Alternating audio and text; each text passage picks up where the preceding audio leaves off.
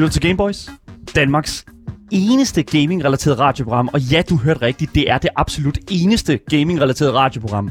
Hvem helvede er det, der er så berøringstegn? Nå, anyways. Udover det, mit navn det er Daniel Mølhøj, og i dagens program, der kan I altså høre om, at vi dykker ned i det nyeste Halo-spil fra Xbox Game Studios. Og det er selvfølgelig Halo Infinite. For det er jo, der er jo ingen tvivl om, at der er mange, som har glædet sig til endelig at få lov til at se, hvad det næste kapitel har at byde på, når det kommer til Master Chiefs nyeste mission.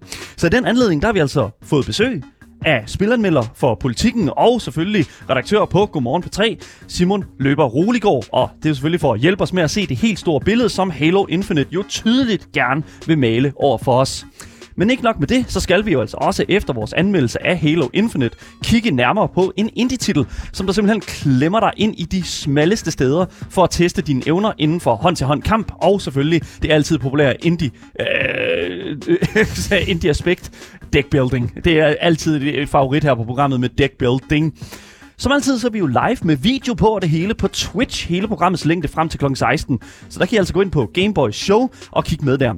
Og selvfølgelig links til Twitchen, Instagramen og Discorden kan altså findes ned i beskrivelsen til vores podcast, som du selvfølgelig finder alle de steder, som du normalt lytter til dine podcasts.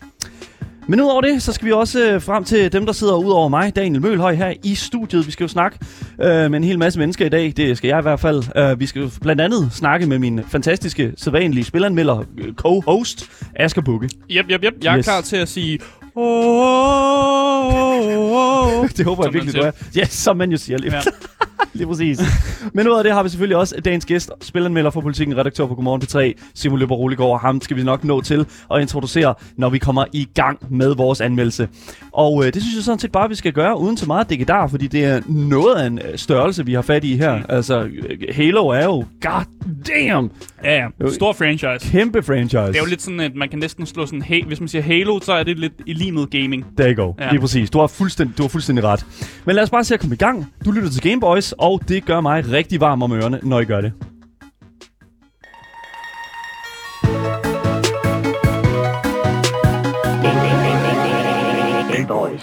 Du kan ikke sige Xbox uden at sige Halo.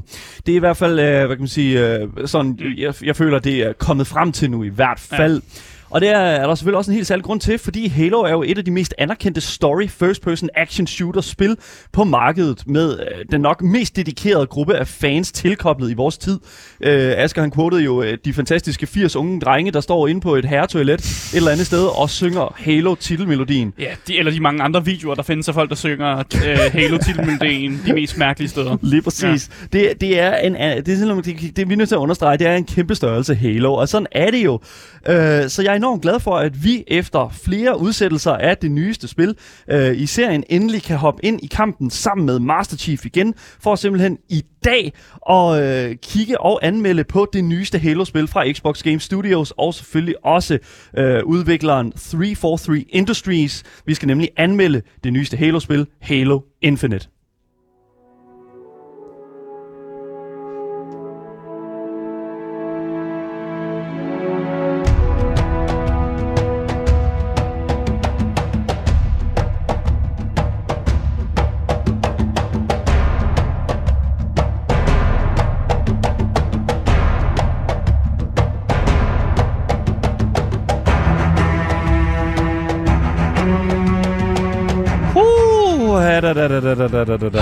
Nødt til at lige at Svedige bongoer. svedige ja. Store bongoer, altså med godt med reverb på og det hele. Mm. Ja, ja, det er en kæmpe, kæmpe, kæmpe enorm øh, hvad hedder det nu, øh, organisme, som, som Halo er. Og af den grund, så har vi jo som sagt dig med på, øh, hvad hedder det nu, øh, øh, telefonen, eller i hvert fald over Discord. Simon Løber Roligård, velkommen til programmet. Tak. Tak fordi det må være. Ja, selvfølgelig, selvfølgelig. Ja, Digitalt. Ja, det, det er lige sådan en corona-løsning, skal vi ikke sige Ja. på den Ja, måde? ja. ja fordi at, øh, desværre så er P3 jo, øh, øh, hvad kan vi sige, også, øh, ligesom her på, på øh, det kommende 24-7, jo også utrolig corona-udsat. Der er så mange mennesker, der kommer ind og ud. Men en ting, som, øh, som vi jo alle sammen kan samles omkring, det er jo netop hele, den her, øh, hele det her univers her. Øh, og Simon, du er, jo, øh, du er jo en af dem, som har, har siddet med det her spil her, øh, op til udgivelsen. Ja. Og simpelthen braget dig ud af og altså betalt med de vildeste øh, timetal. Altså, vi snak, du har i hvert fald spillet over 100 timer. Var det ikke sådan, det var, Simon? Jo, jo altså sådan øh, øh, i, Halo eller, eller sådan generelt i spil. ja, lad os bare sige, øh, ja, det var Jeg har ikke bare... brugt 100 timer i Halo, det vil jeg godt afsløre dig nu. Okay, så er det Asger, der har brugt 100 timer i Halo. Ej, det kan jeg heller ikke prale af. Hvem har overhovedet brugt 100 timer i Halo? Altså, jeg Det er kan... der nogen derude, Det er der nogen, der har. Ja. Det er der 100% nogen, der har. Simon, du er jo øh, spilanmelder for Politikken og redaktør på ja. Godmorgen på 3. Øh, så du sidder jo meget med de her, sådan, mange af de her forskellige spiltitler, og Halo er jo også landet på din, øh, dit dørtrin. Så jeg kunne godt tænke mig sådan lige sådan at, at høre fra din side af, sådan, i, dit, i, din, i dit verdensbillede, hvad er Halo egentlig for en, for en størrelse?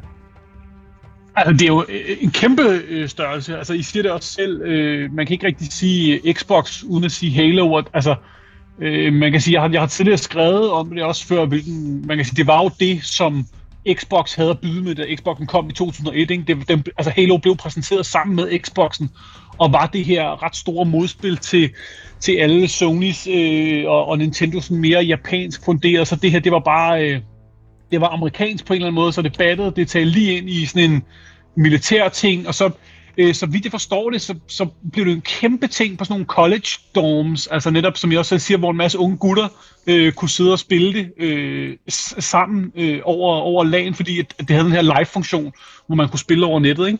Så det er jo, altså, kæmpe mastodont, og så er det sådan lidt sjovt, fordi Altså, jeg har ikke spillet så mange af alle de. Jeg spillede lidt af etteren, og så har jeg ikke rigtig spillet nogle af de mellemliggende titler. Og jeg forstår lidt, at det er en af dem her, hvor at folk bliver ved med at vende tilbage, selvom der egentlig ikke er nogen, der sådan har været ovenud lykkelige for, for alle de der mellem mellemtitler. Ja, og mellemtitler er jo, er jo øh, et rigt, en rigtig, rigtig god Ja, måde at sige det på. Ja, Jeg der synes- findes et enormt hav af Halo-titler derude. Yes, uh, Halo Combat Evolved, uh, Halo, uh, hvad hedder det nu, uh, Evolved. Halo 5, Halo 4.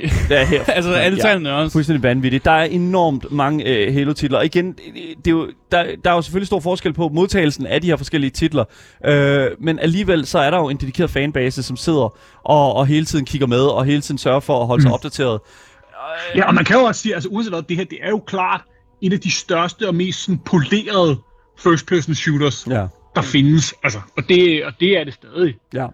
Øh, 100 procent, og det, og det er også det, som jeg, igen, det, uanset hvad for et Halo-spil vi taler om, så er der en vision for det her univers, der er en vision og en, øh, en retning for, øh, og, og ligesom at holde, holde trit med, hvad, hvor er vi henne, og hv- hvem er det, der, hvem er det vi ser nu, og øh, hvad er det ligesom sådan ideen er med, hvad skal det her, den her titel her ligesom føre videre i den her øh, række af Halo-spil. Ja, det siger du, men, Ja. men der er jo nok mange, der vil sige, at mange af de andre Halo-spil måske har været lidt et, øh, et forvirrende mess nogle gange, med noget, noget historie, som lidt har skiftet mellem øh, nogle forskellige writers, som ikke helt har kunne samle trådene rigtigt, Mm. mm. vil jeg i hvert fald mene.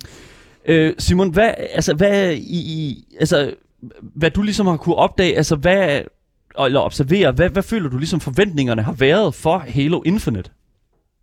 Ja, de har jo været kæmpestore. Øh, Jeg synes jo, det var ret øh, sjovt at se der sidste sommer, tror jeg det var, da de kom med den første sådan store gameplay-trailer, som jo lignede, altså det lignede virkelig lort. Altså var- jeg har faktisk, jeg har lige været inde og se den igen, og det ligner, et, altså det ligner sådan noget, øh, altså Xbox 360, PlayStation 2-niveau af spil, Mm. mm. hvor de vælger at udskyde spillet et helt år, altså se, selvom det egentlig skulle være launch title til, til den nye Xbox og sådan noget.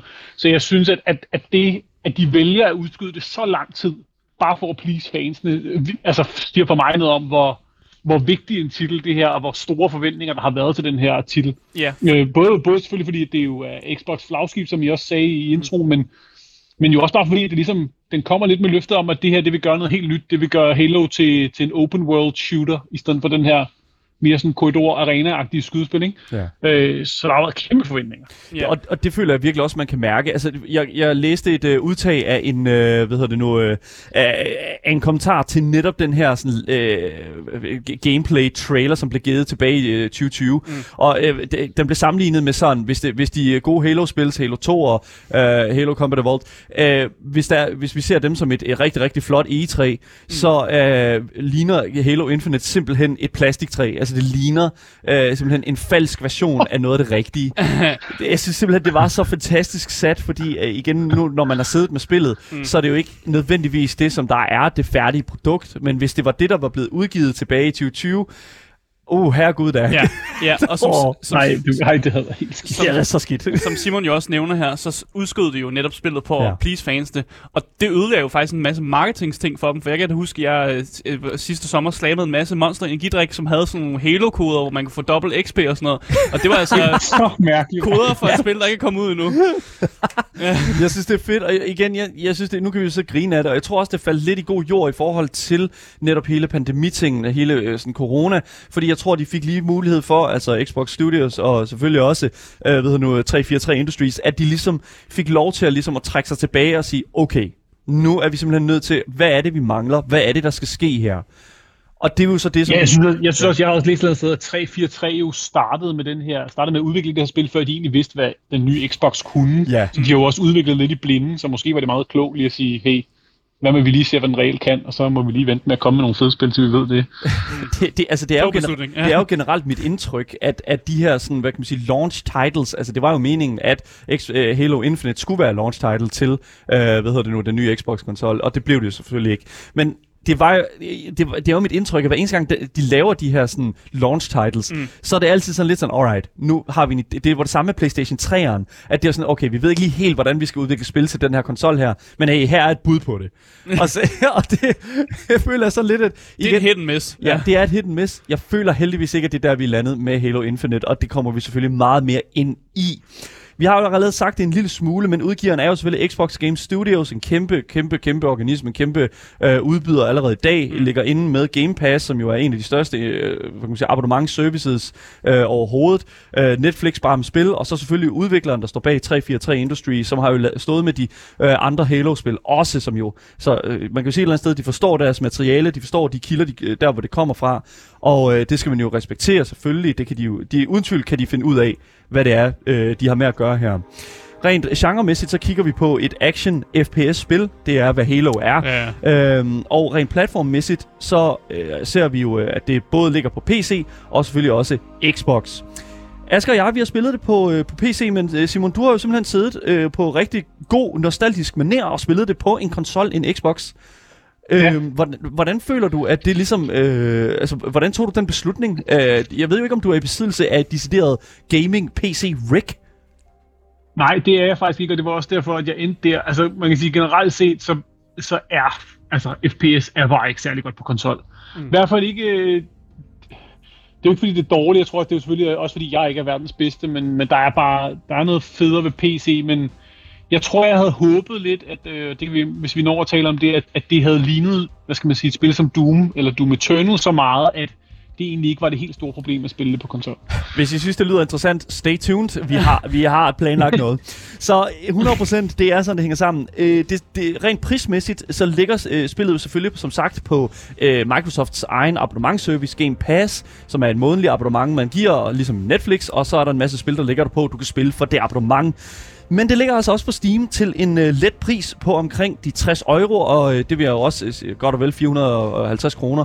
Og det tror jeg også, at det er der omkring, vi er omkring øh, på, på konsollerne.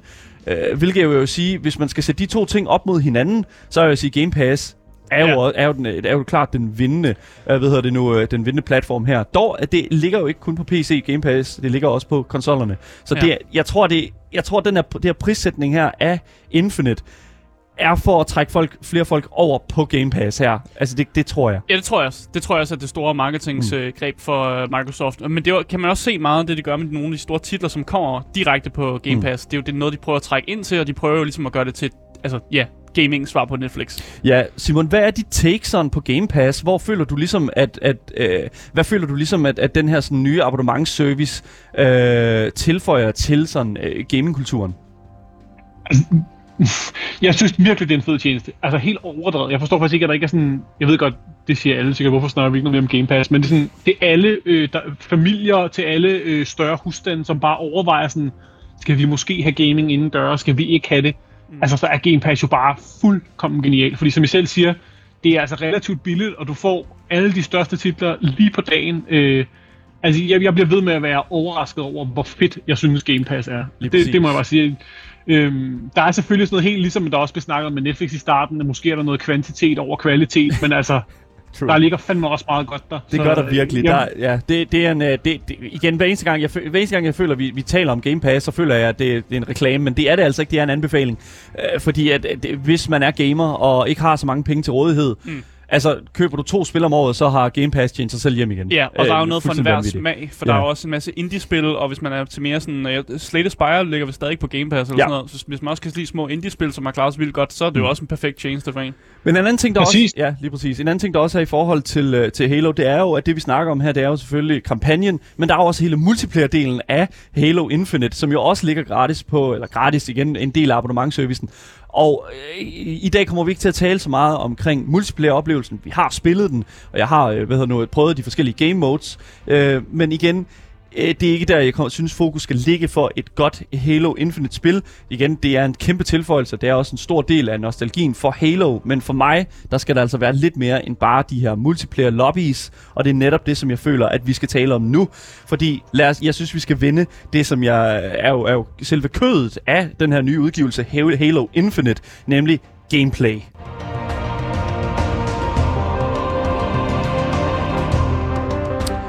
Yes. Gameplay er jo, øh, som jeg siger, kødet på rigtig mange udgivelser. Øh, det er altid det vigtigste, men af og til, så synes jeg, at det er Au, det... au. Nå, okay, fair nok.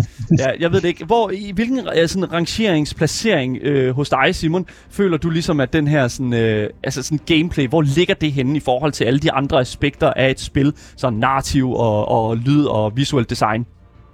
Ja, Altså, jeg kan huske, jeg var så utrolig heldig på et tidspunkt at tale med, med nogle af topfolkene inde hos Naughty Dog, og jeg synes, de havde sådan en filosofi omkring det her, som jeg synes var, var meget rammende. Altså, det som gameplayet er, er jo lige præcis det, som adskiller, hvad skal man sige, computerspil fra film, eller fra, øh, at du går på kunstudstilling og ser et billede, eller hører noget musik. Altså, det er jo det, der gør, at at vi, der spiller, får en eller anden oplevelse af, at vi er en del eller medvirkende til den historie, der sker. Så jeg synes, at gameplayet altså næsten rangerer øh, som det højeste, i hvert fald hvis det kan gå op i en højere enhed med det andet. Ja. Jeg synes, vi skal gå ind i det allerførste øh, sådan, hvad kan man sige, punkt på øh, gameplay-listen her. Og det, det, jeg synes, det, vi snakker jo et Halo-spil, vi snakker om et FPS-spil, så jeg synes sådan set bare, at vi skal kigge på gunplay. Mm. Øhm, fordi det er en stor del af det her spil her, og der er enormt mange våben.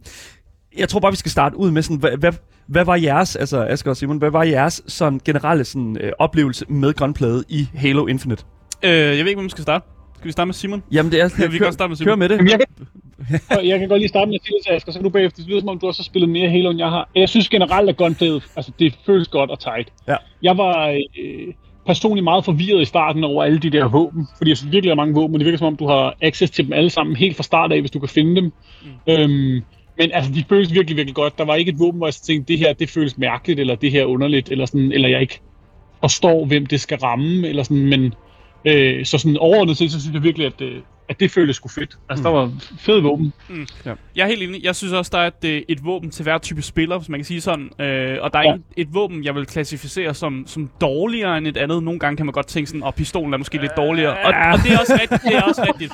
Men, Au. men, men der er stadig sådan en følelse af, at man tager det, der passer til en, og så holder man fast ved det, og så Ja. ja. samler man ligesom på det her våben. Og, og i min optik, så kunne jeg godt lide at have en blanding mellem, at man have et eller andet, der bare skød med normal bullets, og så et eller andet, der også skød med noget plasma eller elektricitet, så man noget, helt enig. der passede mod forskellige typer fjender og sådan noget. Ja. Og så finder man en kombo, der virker, Mm. og holder sig til den. Jeg fandt meget øh, øh, hurtigt ud af, at jeg var rigtig glad, fordi øh, den her, hvad var det, du kaldte den, øh, øh, Ravageren, eller hvad den hed, den her sådan lille håndpistol, som faktisk er sådan lidt sexløber-agtig. Ja. Øh, jeg synes simpelthen, den var fantastisk, fordi at den kunne one-hit mange af de her sådan mindre, øh, ved nu, øh, med mindre fjender, og så kunne jeg ligesom have øh, sådan en shotgun, eller øh, noget, der også, igen, jeg var meget sådan up close, ja. Ja. og masser af melee øh, fra min side. Jeg elsker melee i Halo, fordi det er virkelig bare hen og bonke med dit våben. jeg, synes, det, jeg synes, det er sådan, det er. Mm. Men, men det der er med det, det er jo, at, at når vi ligesom kigger på sådan et spil som Halo, så tror jeg, at der er mange delte meninger om, hvad den bedste mulige, altså hvad den bedste måde at opleve Halo egentlig er på. Mm. Og når jeg siger det, så er det jo selvfølgelig mus versus controller. Mus og keyboard versus controller. Og nu har vi jo to fra hver lejr her. Uh, Asger, du har spillet det med mus og keyboard, ja. Og, og Simon, uh, du har selvfølgelig spillet det med controller. Jeg kunne godt tænke mig at høre sådan, uh, dig Simon, hvad er det, du føler, at controlleren ligesom tilføjer, som mus og keyboard ikke kan? Jeg synes, der er et eller andet sådan... Der er et eller andet, en, en fornemmelse af, når du holder controlleren på den måde, som jeg godt kan lide helt generelt, egentlig frem for mus og keyboard. Der er et eller andet det der, når min højre hånd rører ved musen, og min venstre hånd rører ved nogle taster. Jeg, jeg har en eller anden, jeg har en, det, ved, det lyder måske dumt, men jeg har en, mere en fornemmelse af, at jeg har et eller andet våben i hånden, når jeg har min controller, end hvis jeg har mus og keyboard.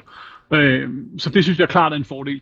Men altså omvendt, så, så er det klart, at man mister ekstremt meget præcision. Og jeg vil sige, det er virkelig sådan, altså lave precision headshot, synes jeg er, for mig i hvert fald, så godt som umuligt næsten med, i hvert fald hvis det skal gå stærkt med en controller. Ja. Mm. Jeg er i den modsatte lejr, fordi øh, jeg forsøgte faktisk at spille Halo med en controller først, øh, og synes, det var er pissehammerende bøvlet. øh, og jeg, jeg kunne godt tænke mig at kappe nogle hoveder, altså lave nogle headshots, og rent faktisk prøve at køre en lidt mindre Ja. aggressiv stil, end jeg måske plejer at gøre. Så jeg samlede jo nogle sniper op, og samlede nogle mere sådan nogle, nogle, nogle våben op, der kan skydes med afstand, og så begyndte jeg at skyde hoveder. Og det er jo bare bedre, federe på mus og keyboard, når man bare lige kan sidde et sted og bare lige, ja, Det kap, kom- kap nogle hoveder. Det, altså, det kommer ned til præference, Ja, ja, tror jeg her. Og altså, jeg tror også, at, at, at jeg helst, når vi taler FPS-spil, så rammer jeg bare typisk et øh, mus og keyboard. Ja, ja. Øh, fordi at det øh, igen øh, føles mere som øh, altså det føles mere præcist men igen det der er med Halo det er at mange af de her våben her og der er jo meget aim assist, øh, aim assist og den slags. Mm. som, som jo træder til når du sidder med en controller jeg var helt vild Simon med den måde som du prøv, prøv, sagde at controlleren føler mere som et våben i hænderne mm. fordi det jo netop er de der sådan tænder, eller hvis man skal tale om en, en Præcis. controller, ikke? Altså, det er, Ja, du har, har fat i noget, i, i, i et eller andet aggregat. Mm. Ja, Præcis, Ja. helt enig. Ja. Men, men jeg synes også, det er jo også ret sjovt at se, fordi jeg synes lidt, det virker som om, og det er jo selvfølgelig en kritik, og det ved jeg ikke, om vi er inde i det nu, men det er jo ret tydeligt for mig, i hvert fald, de som ikke, det er som om, de ikke er helt clearet på, hvad for en form for shooter de vil være. Fordi hvis du ser, altså, hvis du spiller Call of Duty, eller øh, Battlefield, eller øh, altså mange andre, så, så er det jo meget sådan, hvor de virkelig går op i, at du skal sørge for at ramme, altså du skal sigte, og du skal ramme. Mm. Og så er der så den her øh, anden del af skydespillet, som er mere sådan noget doom hvor det mere handler om bare at, at gå amok og hoppe rundt. Mm. Øhm, og der, der, der tror jeg, der, jeg fandt måske ikke helt de våben, der så passede mig i Halo i forhold til, at jeg havde en controller, hvor jeg synes, det var meget... Øh, jeg synes meget, jeg fandt våben, der krævede, at jeg tog ordentligt sigte. Og det Ja. tror jeg måske gjorde mig kluntet i kampene. Et godt eksempel på, øh, hvor jeg føler, at mus og keyboard kom til sin ret i øh, spillet her, det er faktisk en pointe, som vores øh, seer på Twitch, øh, Rudi Baus, han øh, tilføjer. Og det er altså, at når der er en grappling hook og så videre, så er mus og keyboard bare bedre, så man kan svinge sig rundt, og også, mm. man kan sige, selvfølgelig have meget mere kontrol over bevægelsen i luften. Og igen, jeg, befandt. Ja. jeg fandt, øh, fandt hurtigt ud af, at yes, den der grappling hook der, det er altså noget af det mest fantastiske af tilføjelser til øh, Halo Infinite. Og det tror jeg, det er en godt, god segue til ligesom at komme ind i hele den her side abilities øh, del af Halo Infinite, fordi udover grappling hooken, så er der jo andre sådan, hvad kan man sige, øh, forskellige typer af hvad kan man sige, øh, attachments, som du kan få til Master Chief. Mm. Du har jo den her grappling, du har det grappling hook, du har den her shield core, du har den her threat sensor, den her drop wall og den her thruster. Mm. Altså, hvad er det helt præcist, I føler, øh, at det her det ligesom tilføjer til, som, altså for eksempel grappling hooken, synes jeg er jo helt fantastisk. Mm. Asger, hvad, hvad føler du ligesom sådan, at en grappling hook tilføjer til, til sådan et spil som Halo? Altså, den tilføjer lidt mere personlighed til den måde, man gerne vil spille på. Så for eksempel, du nævnte jo alle de her abilities, Ja. og det er igen noget, der komplementerer den spillestil, du har. Mm. For eksempel, så valgte jeg jo bare at putte alle mine point i grapplehooken, og alle mine i den her shield core, så jeg bare havde masser af liv, og den her grapplehook bare spillede 100. Ja. Det behøver ikke være så bøvlet, at man begynder at, at, at investere i andre ting. Det gad jeg i hvert fald ikke. Jeg gad ikke engang at, at sætte mig ind i det. Nej. Det var bare at putte alle mine point der, og så kører vi det, fordi det fungerer bare, og jeg har egentlig styr på det. Fedt. Uh, hvad med, uh, I forhold til, til, til dig, Simon, altså hvad fandt du uh, ud af, at virkede bedst for dig af de her side, side weapon, side attachments? Jeg kører meget den der thruster, men, eller det er det der, hvor du ligesom skyder dig selv afsted. Og jeg tror, mm. øh, det er jo fordi, altså folk, der har spillet det her, det går ret hurtigt op for en, at, at det her er sådan et spil, hvor at så snart du begynder at komme i problemer, så handler det om at komme ret hurtigt væk fra Mm. kampen. Så din, altså, så dit, dit skjold ligesom kan genoplade, eller hvad fanden man skal kalde det. Og, og derfor så synes jeg, øh, det var ret nice, det her med ligesom, okay, jeg kan hurtigt komme væk, eller hurtigt komme op og komme væk, og så kan jeg bruge den der grappling hook, den altså, elskede jeg også. Men det er jo fordi, den, du lidt både kan bruge den som at komme hurtigt væk, men du kan sådan set også bruge den, når du opgraderer den. Det der med, at du kan stun enemies, og du kan, den giver også noget skade og smadrer folk ned i jorden sidst og sådan noget. Så når du har den helt opgraderet, så er det virkelig sådan et ret altidigt værktøj, som jeg ellers ikke synes, det var i starten, men til sidst der havde jeg også kæmpe optur over den. Ja. Mm. Jeg er helt enig, helt enig med, at den blev et altid et værktøj, fordi jeg regnede heller ikke med, at det var lige pludselig ville være sådan en ting, hvor jeg tænkte, gud, nu kan jeg bruge den som våben, og sådan noget med, at man opgraderer den, og så kan man lige pludselig også lave nogle sådan power punches med den. man- præcis. ja.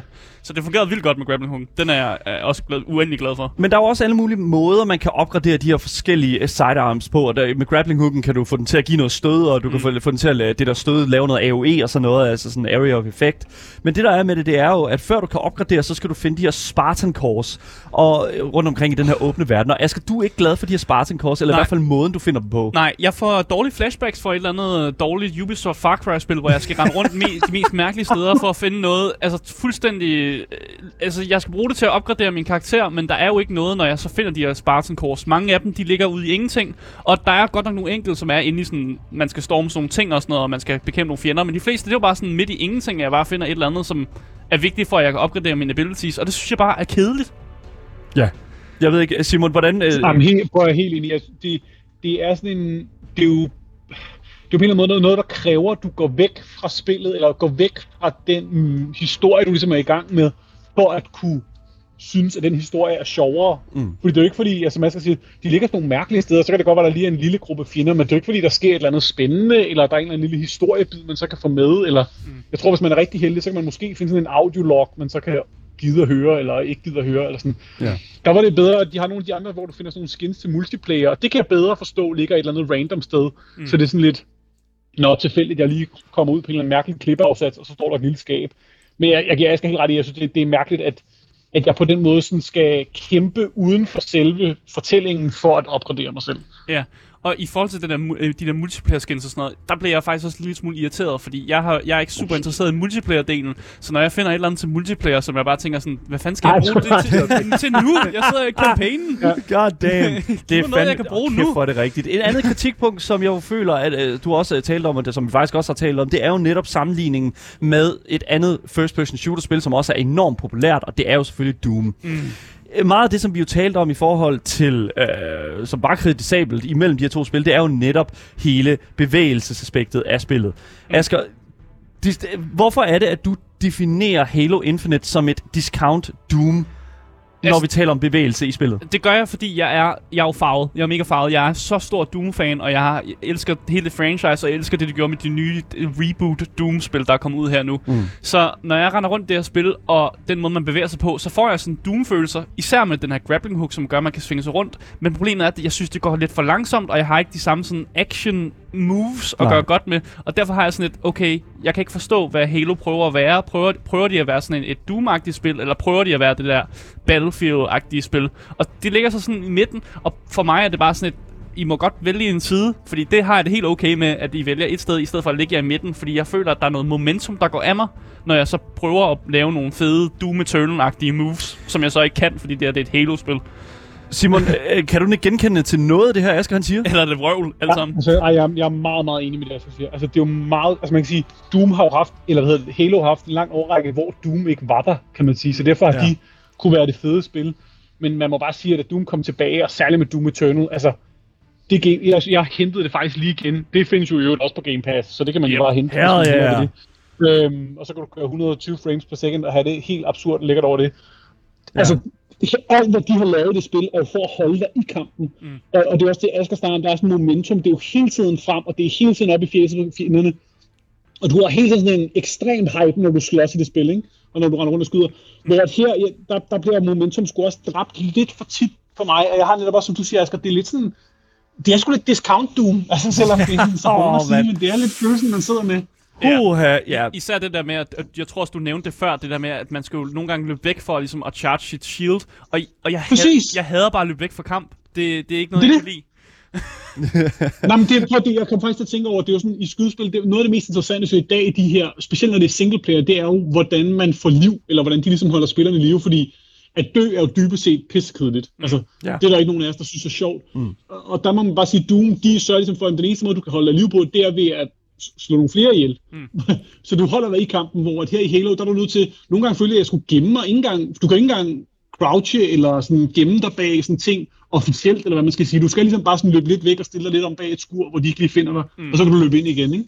Ja, og det er lidt underligt, fordi de har ikke rigtig lavet sådan en, en mekanik, der gør, at man for eksempel kan sådan, øh, kigge rundt om hjørnet sådan rigtigt, eller sådan bruge det element, for det kunne jo også være en fed måde ligesom at gå i cover bag et eller andet, men det, mm. det er ikke noget, som Halo Infinite sådan rigtig sådan, øh, gør sig i. Udover det, så føler jeg, at vi ofte, øh, ved det, når kigger på de her spil her, også har et aspekt af for eksempel noget, altså en anden, andet aspekt af bevægelse er jo selvfølgelig sådan noget som køretøjer. Asger, du var meget positivt stemt omkring biler i, ja. øh, og køretøjer, decideret bare i Halo Infinite. Ja, hold kæft, hvor jeg er glad for, at i, når jeg kører et eller andet køretøj i et spil, at det rent faktisk gør det, jeg vil have det til. Fordi jeg har godt nok spillet rigtig meget, især Far Cry, det sidste ja. Far Cry-spil, jeg spillede her, der føles det virkelig som om, jeg kører på glat is. Mm. Og jeg er bare så glad for, at, at, at bilen, eller det man nu kører i, rent faktisk gør det, man vil have. 100%. Ja, så det er kæmpe ros herfra. Så det, det sidste, jeg sådan set bare kunne tænke mig at spørge jer begge to, Asger Simon øh, Løber ja. Rulegård, det, det er jo sådan set, hvordan føler I ligesom, at gameplay i Halo Infinite holder sig friskt øh, og adskiller sig måske fra de andre titler i spilserien? Igen, det er jo selvfølgelig, øh, Simon, du kommer jo fra, hvad hedder det nu, øh, direkte fra Halo 1. Altså, hvad føler du ligesom i andre i den her genre, måske FPS-genren her, hvad er det Halo kan, som de andre genre, øh, spilgenren ikke kan? Altså jeg synes helt generelt, der er for få alle Doom og Halo, som ligesom taler til en anden type first person shooter end, fordi jeg, jeg personligt, jeg har ikke øh, hverken reaktionsevne eller præcisionsevner til at altså, være god til Call of Duty mm. eller øh, Battlefield eller altså Far Cry kan lidt bedre gå, men sådan, altså de her sådan meget øh, præcisionsskydespil er jeg dårlig til, og derfor elsker jeg at spille som Doom, og sådan set også Halo, som bare gør det som gør det lidt nemmere og gør det lidt mere legesygt på en eller anden måde at spille et skudspil. Og det, det synes jeg, de gør rigtig godt, og stadig er ret unikke med sammen med Doom på markedet. Mm. Helt bestemt. Jamen, jeg, jeg er bare helt enig i, i det, Simon siger, så jeg tror ikke, jeg har noget ekstra til for Skide godt. Gameplay Halo Infinite står relativt stærkt, lyder det jo som om, men jeg synes, vi skal gå over i uh, det, det andet aspekt af Halo, som spiller en stor rolle, og det er jo netop narrativet. Så vidt jeg kan forstå, så finder historien sted i året 2560, lige efter historien på Halo 5 Guardians. Master Chiefs tidligere AI-partner Cortana er gået i fuld rebel-mode og har overtaget det her, de her oldgamle Forerunner-våben, som hedder Guardians. Det forsøger Master Chief selvfølgelig at stoppe ret så ihærdigt og ret så hurtigt. Men du er altså ikke den eneste, fordi som tredjepart til hele situationen, så har vi jo nemlig den her gruppe af allierede aliens, The Banished, som jo, hvad kan man sige, forsøger at få menneskerne ned med nakken mm. i uh, ovenkøbet, også uh, få fat i nogle af de her rings her, de her halos og de her elgamle våben, også selv. Og det synes jeg jo øh, er jo interessant, øh, og igen, det sætter en god præmis for en god, øh, hvad hedder det nu, øh, en god historie. Men Simon, øh, hvor føler du ligesom, at historien i Halo Infinite placerer sig? Er det, er det en god historie?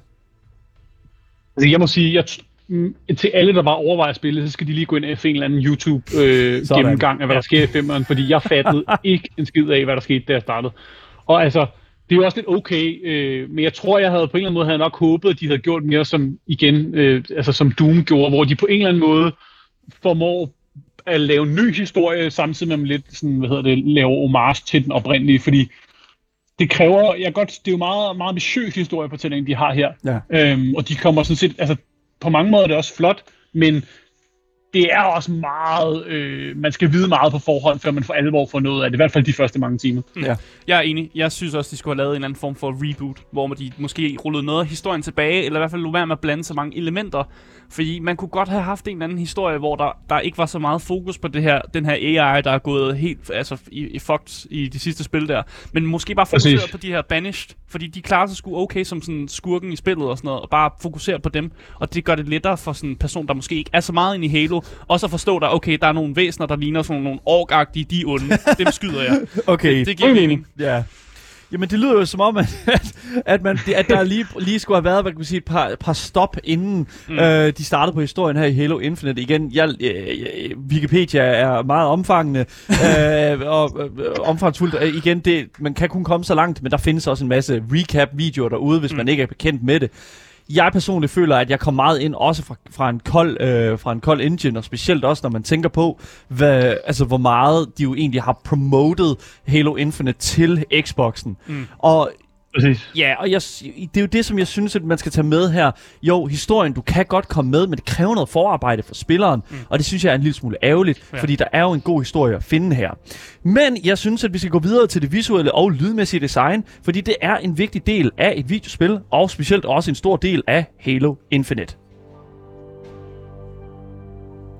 Så visuelt vil jeg jo sige, at den her mere åbne verden tillader en væsentlig større interaktion med dine omgivelser. Det føles som om, at vi render rundt i de her store multiplayer maps, men bare inde i spillet også.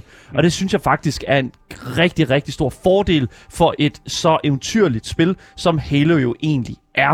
Mm. Halo har altid brugt deres sci-fi image fuldstændig korrekt, hvis I spørger mig. Og de her sådan enorme haloer får dig til at føle dig enormt lille, fordi de er fantastisk gode til at sætte perspektiv på sådan, øh, hvad kan man sige, din spillerkarakter, og så de her sådan kæmpe store halo rings, mm. som kører omkring dig.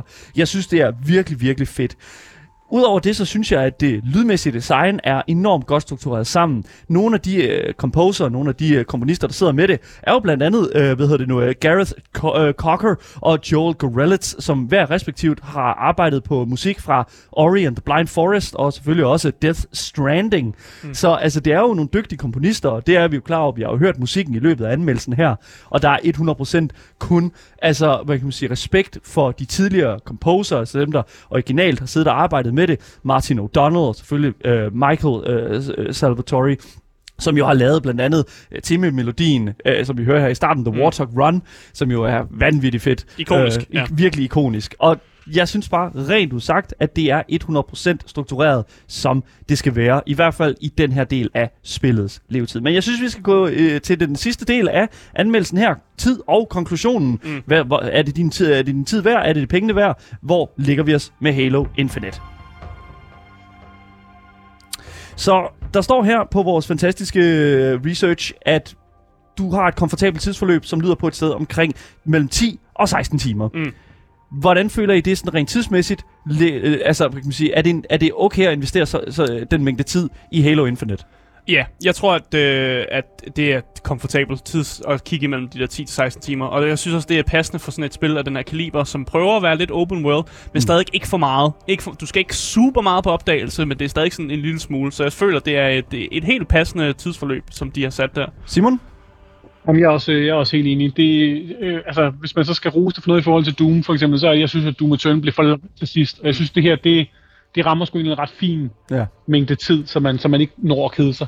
Det overstager ikke deres welcome, Ja, kan man nej, sige. præcis. Ja, lige præcis. Spillet ligger jo som, som sagt s- til øh, godt og vel 450 kroner, øh, hvis du vil købe det enestående. Men det ligger altså også på Game Pass, hvor du både kan spille multiplayer-delen og selvfølgelig den kampagne, som vi jo har relativt anmeldt her i dag i sin, i sin godt og vel helhed.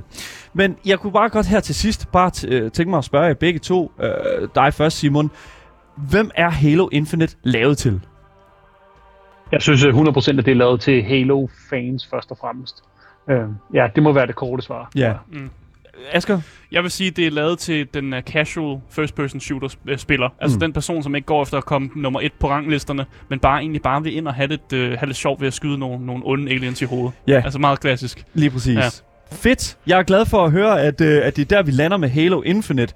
Øh, det er for, et spil for fansene, men det er altså også muligt at komme ind uden at have kendt så meget til det, men det kræver lige en lille, for, en lille smule forarbejde, hvis det er, at du vil være med på historien. Men udover det, så er gameplayet stærkt, og der er altså også et utroligt godt visuelt og lydmæssigt design at finde i Halo Infinite.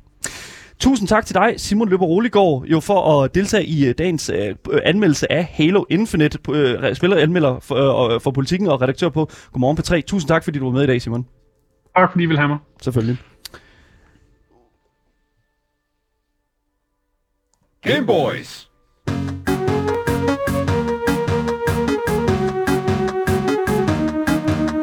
Boys. Yes, jamen øh, det var jo dagens anmeldelse. Det var jo noget af en størrelse, vil jeg jo næsten sige. Øh, vi skal jo videre, fordi vi har jo ikke, øh, al, øh, vi har jo ualmindelig meget tid her på programmet, når, nu når vi har så meget, vi gerne vil vil. Ja. Så jeg vil bare sige, øh, lyt til vores podcast, øh, hvis du søger på det gyldne navn. Game Boys. Og så selvfølgelig giv os en god anmeldelse på Apple Podcast, og øh, lad os komme ind i øh, det, som du er med i dag, Asger, nemlig en lille fræk indiespils anbefaling.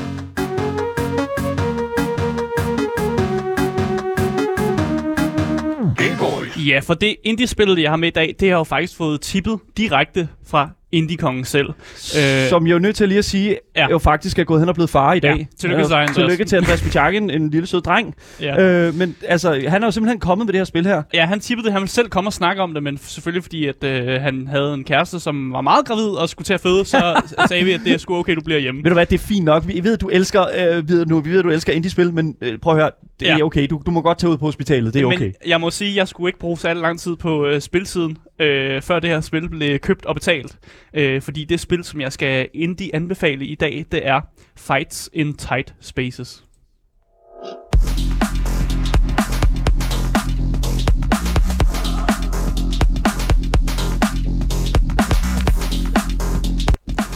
Udover den øh, gode musik her, så kan jeg fortælle, at udgiveren er Mode 7, og udvikleren er Ground Shatter. Jeg har ikke hørt om nogen af de her udviklere eller udgiver, så det er jo, det er jo, det er jo indie-oplevelsen. Jeg, jeg elsker det der. er Jeg, jeg elsker sådan noget der. Ja, øh, genren, som vi har at gøre med i dag, det er strategi, action, deckbuilder og roguelike. Og det var nogle øh, kategorier, jeg ikke rigtig havde set, man kunne sådan blande sammen. Fordi at, øh, selvfølgelig, man kan godt lave et strategi, deckbuilder spil, men at blande action med ind i det også, og samtidig også kalde det roguelike, øh, hvordan skal det egentlig fungere? Hvordan fanden fungerer det her? Og det, skal, jeg- det kommer jeg jo til at fortælle om. Øh, men jeg kan fortælle, at øh, platformen, man kan købe der på, det er simpelthen på PC, og så kan du også købe det på Xbox One faktisk, Mm. af, af alle steder. Ja. Øh, du kan få det på, for 119 kroner på Epic Store, og du kan få det for 156 på Steam. Så jeg anbefaler selvfølgelig at købe det der, hvor det er billigst mm. på, på Epic Game Store. for alt andet vil næsten være mærkeligt, hvis du alligevel sidder på en PC. Ja. Men altså, hvad går øh, Fights in Tight Places egentlig ud på? Du spiller som øh, Agent 11, hvis formål er at øh, stoppe organiseret kriminalitet. Så det er meget sådan, ja, det, det giver simpelthen Det er organiseret kriminalitet, yes. Ja, og organiseret kriminalitet, det, det bekæmpes jo bedst ved at, ligesom at banke alle de her kriminelle sønder sammen. Det kan du godt se. Det er jo, det er jo, det er jo, det er jo sådan, jeg vil løse problemet. Det er det er klart, bare banke dem alle sammen. Sure thing, man. Øh, og så bliver du sendt ud af den her hemmelige organisation, som nok skal minde om et eller andet sådan James Bond-agtige politi, eller sådan, du ved, det, det hemmeligste CIA, eller et eller andet, som jo så siger til dig, om vi sender dig herud for, at du kan banke dem her. Øh, og så skal du så nedbryde de her kriminelle netværker, øh, ved at kæmpe dig igennem alt fra små goons til ninjaer, og, og alt indimellem. Altså meget klassisk. Ja. For til sidst at stå foran en eller anden øh, crime boss, øh, og så forhåbentlig give den her boss en kæmpe røvfuld. Kæmpe, et kæmpe lag tørre tisk. Ja, og, og de her kampe, de foregår selvfølgelig, som øh, navnet nok kan øh, ligesom fortæller jer, det foregår i små rum. Mm. Derfor er navnet Fights in Tight Spaces. Sådan. Øh, og derfor vil jeg egentlig bare gå over i noget gameplay, fordi som øh, nævnt under genren, jeg kom ind på før, så er det jo primært et, øh, et strategi- og deckbuilder-spil. Øh, og det kan umiddelbart være svært ligesom at forstå. Øh, så lad mig lige sådan gå igennem sådan en, en typisk sådan fights in uh, tight places øh, øh, sådan situation, så man lettere kan forstå spillet. Ja. Så en typisk fight, det er dig i midten af et Okay. lille rum. Ja. Det kunne for eksempel være en, øh, en meget lille tattoo-salon. Øh, og så står der sikkert øh, to bøller på hver, din, øh, på hver din side. Ja. Og så starter du typisk med en hånd på sådan fem kort. Øh, og der er tre typer kort. Der er angrebskort, der er bevægelseskort, og der er specialkort. Mm. Øh, og på en tur, der vil du gerne øh, bruge dine bevægelseskort til ligesom at komme ud af slåzonen. Du vil Mm. gerne væk fra dine fjender, ellers så slår de til dig. Øh, men du vil også gerne prøve at komme om bag dem, eller om på siden af dem, for ligesom at positionere dig rigtigt. Ja. Derefter så vil du gerne øh, give så mange slag op spark, som du kan på din fjende. Det er jo klart. Det er klart. Det, Og det gør god jo- mening. Det gør jo bedst med angrebskort, som Yes. jo bare er, som navnet siger, kort man angriber med. øh, og så har du den her tredje type kort, som er sådan nogle specielle kort, øh, som du egentlig bruger, når du føler, at de passer. Øh, og eksemplet, som jeg kan give, det er simpelthen mit yndlings specielle kort, som er øh, et kort, som simpelthen bare gør, at dit næste øh, kort giver dobbelt skade. Mm. Så det er bare et kort, der ligesom gør, at dit, øh, det næste giver dobbelt skade. Det er, jo, det er jo sådan typisk, de her specielle kort bliver spillet. Øh, og det lyder måske ret simpelt. Altså, undgå skade ved at bevæge sig rundt, slå og spark til dine fjender, øh, samt bruge nogle cool sådan, specielle kort, det, lige når det passer. Mm. Det lyder mega easy. Ja, det er Og du, og du tænker, Daniel, så det var pisse, det var pisse let, det, Det her, er jeg bare pisse sådan fucking let, Asger. Ja, men øh, der er en hage. Det, det, det er der altid. Fordi de, alle, du kan ikke bare bruge dine kort, som du har lyst til, fordi de koster noget at spille. Man bruger det her, der hedder momentum i spillet. Okay. Øh, og i start, der har du tre momentum point. Øh, og hvis du sidder med fem kort, som hver koster et momentum, så, så fortæller den matematiske Asger mig, at øh, så kan du faktisk kun spille tre kort i din tur ud af de fem kort. Og det er, også, det er også cirka sådan rigtigt, at det kan du nok kun. Så det er jo her, hvor det strategiske element kommer ind. Fordi du skal jo ligesom balancere dit øh, momentum med, at du gerne vil give meget skade, men du vil heller ikke modtage meget spa- øh, skade, så du skal finde ud af, om du har lyst til at løbe rundt over det hele, eller om mm. du lige vil give et spark her, eller hvad du nu vil gøre. Men det er jo det taktiske element, der ligesom Præcis. springer ud her, og det er jo det, jeg føler, som, som, som, øh, øh, som, som, som det her spil her jo et eller andet sted emmer utrolig meget af, nemlig det der taktiske sådan... Øh, den der taktiske tilgang der til Ja. alle de her sådan små corners og sådan. Jeg Mm. synes, det, jeg synes, det et eller andet sted er meget interessant, at man har valgt at gøre det på den her måde her. Lave banen så lille som overhovedet muligt. Ja. Igen, der er jo små aspekter på mappet, som tillader dig at være, hvad kan man sige, øh, vælge den der, øh, hvad kan man sige, den der sådan der fleeing type der, Ja. om at, at flyve rundt. Men igen, der er jo ikke mange steder, du kan flygte hen. Nej. Og nogle af dine øh, modstandere har jo de her våben også. Ja, de har håndvåben, og, øh, og nogle af dem har knive, nogle af dem har batonger, de har alle mulige sjove våben, og ja. Du har jo bare dine knytnæver. Yes. Øh, og det må du så bruge på den bedste måde, du, du nu kan. Øh, og det gør du simpelthen ved, at hver gang du vinder en kamp, så får du lov ligesom at vælge et nyt kort til, din, øh, dit, til dit dæk, som du har. Og det er jo her, det her deckbuilding-aspekt kommer ind. Mm. Fordi du vælger selvfølgelig kort, der passer bedst til det, du allerede har. Så når man ligesom starter spillet, så vælger man en type fighter, man har. Man kan fx være den aggressive, så har man rigtig mange angrebskort og ikke så meget stik af kort. Og så vælger man selvfølgelig kort, der ligesom også passer til den type, du nu spiller som, mm. øh, og prøver ligesom at komme så langt, som du overhovedet kan. Øh, og når du så ikke øh, er i kamp, så vælger du så, hvilket rum du vil gå til bagefter. Og der kan jeg sætte det op, hvis man nogensinde har spillet Slay the Spire, det ved jeg, at du har, Daniel. Ja. Så er det det med, at man kan vælge forskellige ruter, man ligesom går hen mod, og så kæmper man sig op mod en boss op i toppen. Mm. Og sådan her er spillet også bygget op med, at der plejer typisk at være sådan to-tre ruter, man kan gå mellem, og så prøver man ligesom at finde en rute, der passer til en. Ja. Øh, og så vælger man jo selv, hvad for nogle kampe man vil tage, og hvilke nogle events man vil gå ind i. Så jeg vil helt klart anbefale folk, fordi igen, det her, det, det, det er mange systemer, Ja. det er mange, Ja, ja. Og, det, og det kan være svært at følge, hvis Ja. man bare sidder og lytter med. Det kan selvfølgelig være lidt nemmere, hvis man ser det med på vores Twitch her. Mm. Men det der er med det, det er, at jeg tror, at det man sådan skal sætte det op øh, efter, den, den måde man skal kigge det på, det er, at du ligesom har det her skakbræt, hvor du ligesom er den her, øh, hvad hedder nu, ene øh, dronning, der ellers kan bevæge dig rundt, Ja. som det passer dig. Og så har du ellers de, alle de her forskellige brikker, som du på en måde skal forsøge at spille nogle øh, forskellige a- angrebskort for at komme af med. Ja, Så det er sådan det synes jeg er godt temmelig, forklaret. temmelig meget den måde, man skal se det på. Ja. Og det kan være, jeg, det kan godt være lidt intimiderende at komme ind i sådan nogle spil her, føler jeg. Fordi Ja. der netop er rigtig mange af de her ting. Men hvordan føler du ligesom, at, hvordan føler du sådan, at tutorialen er sådan, øh, det indledende øh, spil egentlig er for øh, Fights in Tight Places? Jeg synes, at tutorialen er Spaces.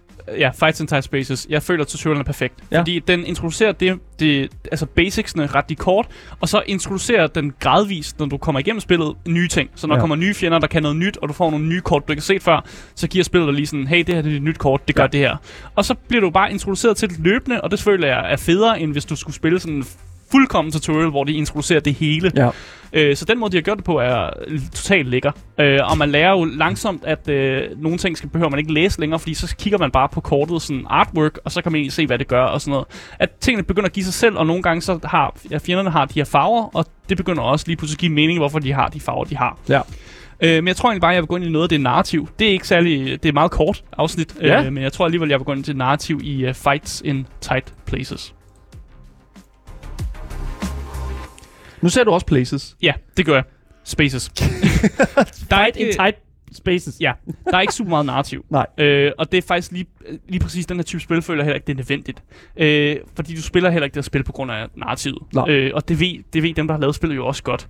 Men jeg vil sige, hvis du er fan af for eksempel actionfilm, så ved du også godt, at action-scenerne, de kun eksisterer, hvis du har lidt af et plot. Og her er plottet jo bare sådan en bank, de er kriminelle. Ja. Og, og lidt, det kan jeg egentlig også godt følge i mange af de actionfilm, jeg har set. Fordi jeg, kan, jeg, altså, jeg ser jo også John Wick primært for de lange actionsekvenser. Men jeg klart. ved jo også godt, at hvis John Wick ikke havde formål med det, han gjorde, så ville det også være lige meget. Mm. Så det er egentlig bare sådan, man skal se det sådan, at det er jo vigtigt, at, det, at du går rundt og kæmper mod dem her, men også lige have i mente, okay, du gør det, fordi du gerne vil banke de kriminelle. Det er klart. Og- det, det, og- det, det er motivationen, I guess. Og jeg tror faktisk ikke, jeg har mere at sige om narrativet, fordi det eksisterer, det eksisterer bare ikke. Det er og, ikke eksisterende. og det er også fint nok. Bank de kriminelle, sådan er det. Mm. Og derfor tror jeg bare, at jeg vil gå direkte videre til øh, visuel og lyd. Fordi Fights in Tight Spaces har et meget unikt øh, look, som gør øh, meget brug af det her sort, øh, sort og hvid baggrundsudtryk. Men hvor fjenderne så alle sammen har en markant farve. Ja. Øh, og de markante farver, de hjælper faktisk den rutinerede spiller mm. med ligesom at genkende fjender og hvad de kan, fordi hver farve viser også, hvad en fjende har af sådan abilities. Og det er Okay. perfekt, fordi så, så jeg, jeg behøver ikke at kigge på, hvordan en fjende ser ud. Jeg skal bare kigge på farven, og så kan jeg genkende mønstret. Det minder mig sindssygt meget omkring det VR-spil, der hedder Superhot. Mm. Fordi øh, du har det her sådan helt hvide, sådan, øh, hvad hedder det nu, de her hvide omgivelser, det her Ja. hvide, øh, hvad hedder det nu, øh, den er hvide atmosfære. Og så har du de her røde fjender godt nok her. Ja. Øh, der er også et par andre farver, men der er også de røde fjender. Jeg synes, det minder sindssygt meget omkring sådan hele den æstetik, og Mm. mm. faktisk også rent gameplay-mæssigt. Fordi, øh, altså i, i øh, Superhot, der bevæger fjenderne sig, når du bevæger dig. Ja.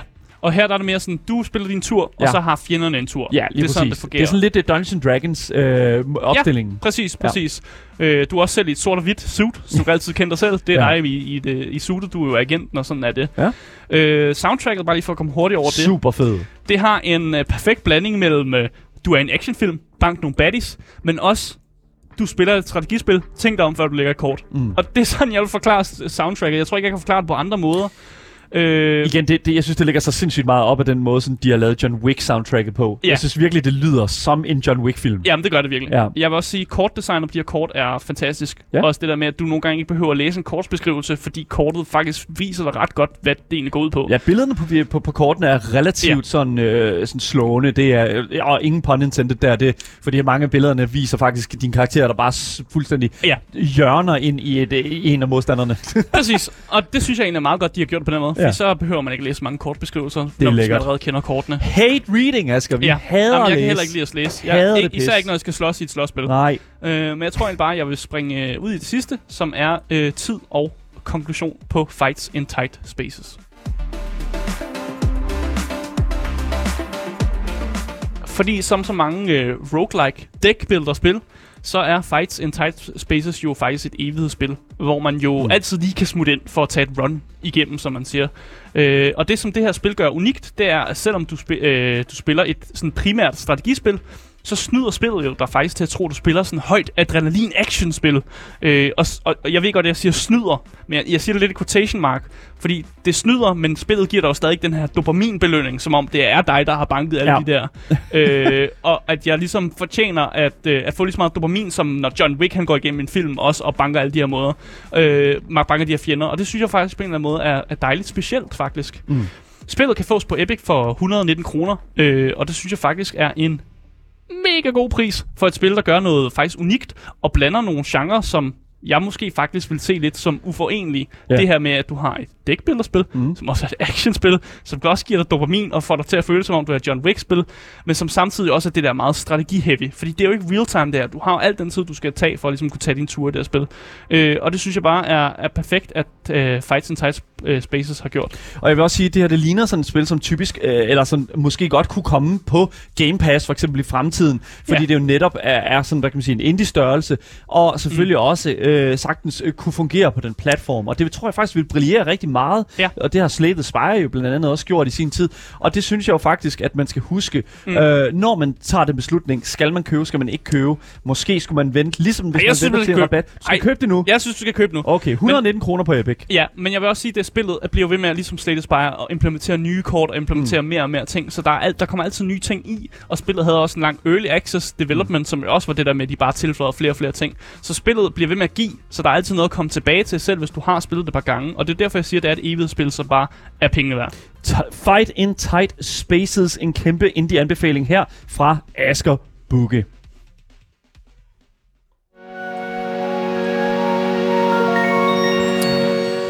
Yes. Jamen, uh, tak til jer, som har lyttet med på uh, radioen. For jer, der kommer der selvfølgelig nogle nyheder nu. Men vi fortsætter jo stadigvæk lige en times tid mere, helt frem til klokken 16 på vores Twitch-kanal Gameboys Show. Dagens podcast og hele dagens program kommer ud som podcast, så længe du bare søger på det gyldne navn. Så kan du finde det der, hvor du lytter til din podcast. Hvis I har nogle kommentarer til os, eller sidder og brænder ind med spørgsmål, så kan I altså også skrive til os på Instagram, Gameboys Dalle, og øh, dem, øh, linket til den Instagram og Twitchen og Discorden kan I selvfølgelig finde i beskrivelsen til podcasten. Og Asger, hvis de skriver til os, hvad er de så? Så er de top tier gamers! Lige præcis. Tusind tak til dig, Asger Bukke, for simpelthen at være med her i dag, og tusind tak til Simon Løber Roligård for at deltage. Vi er tilbage igen i morgen med mere.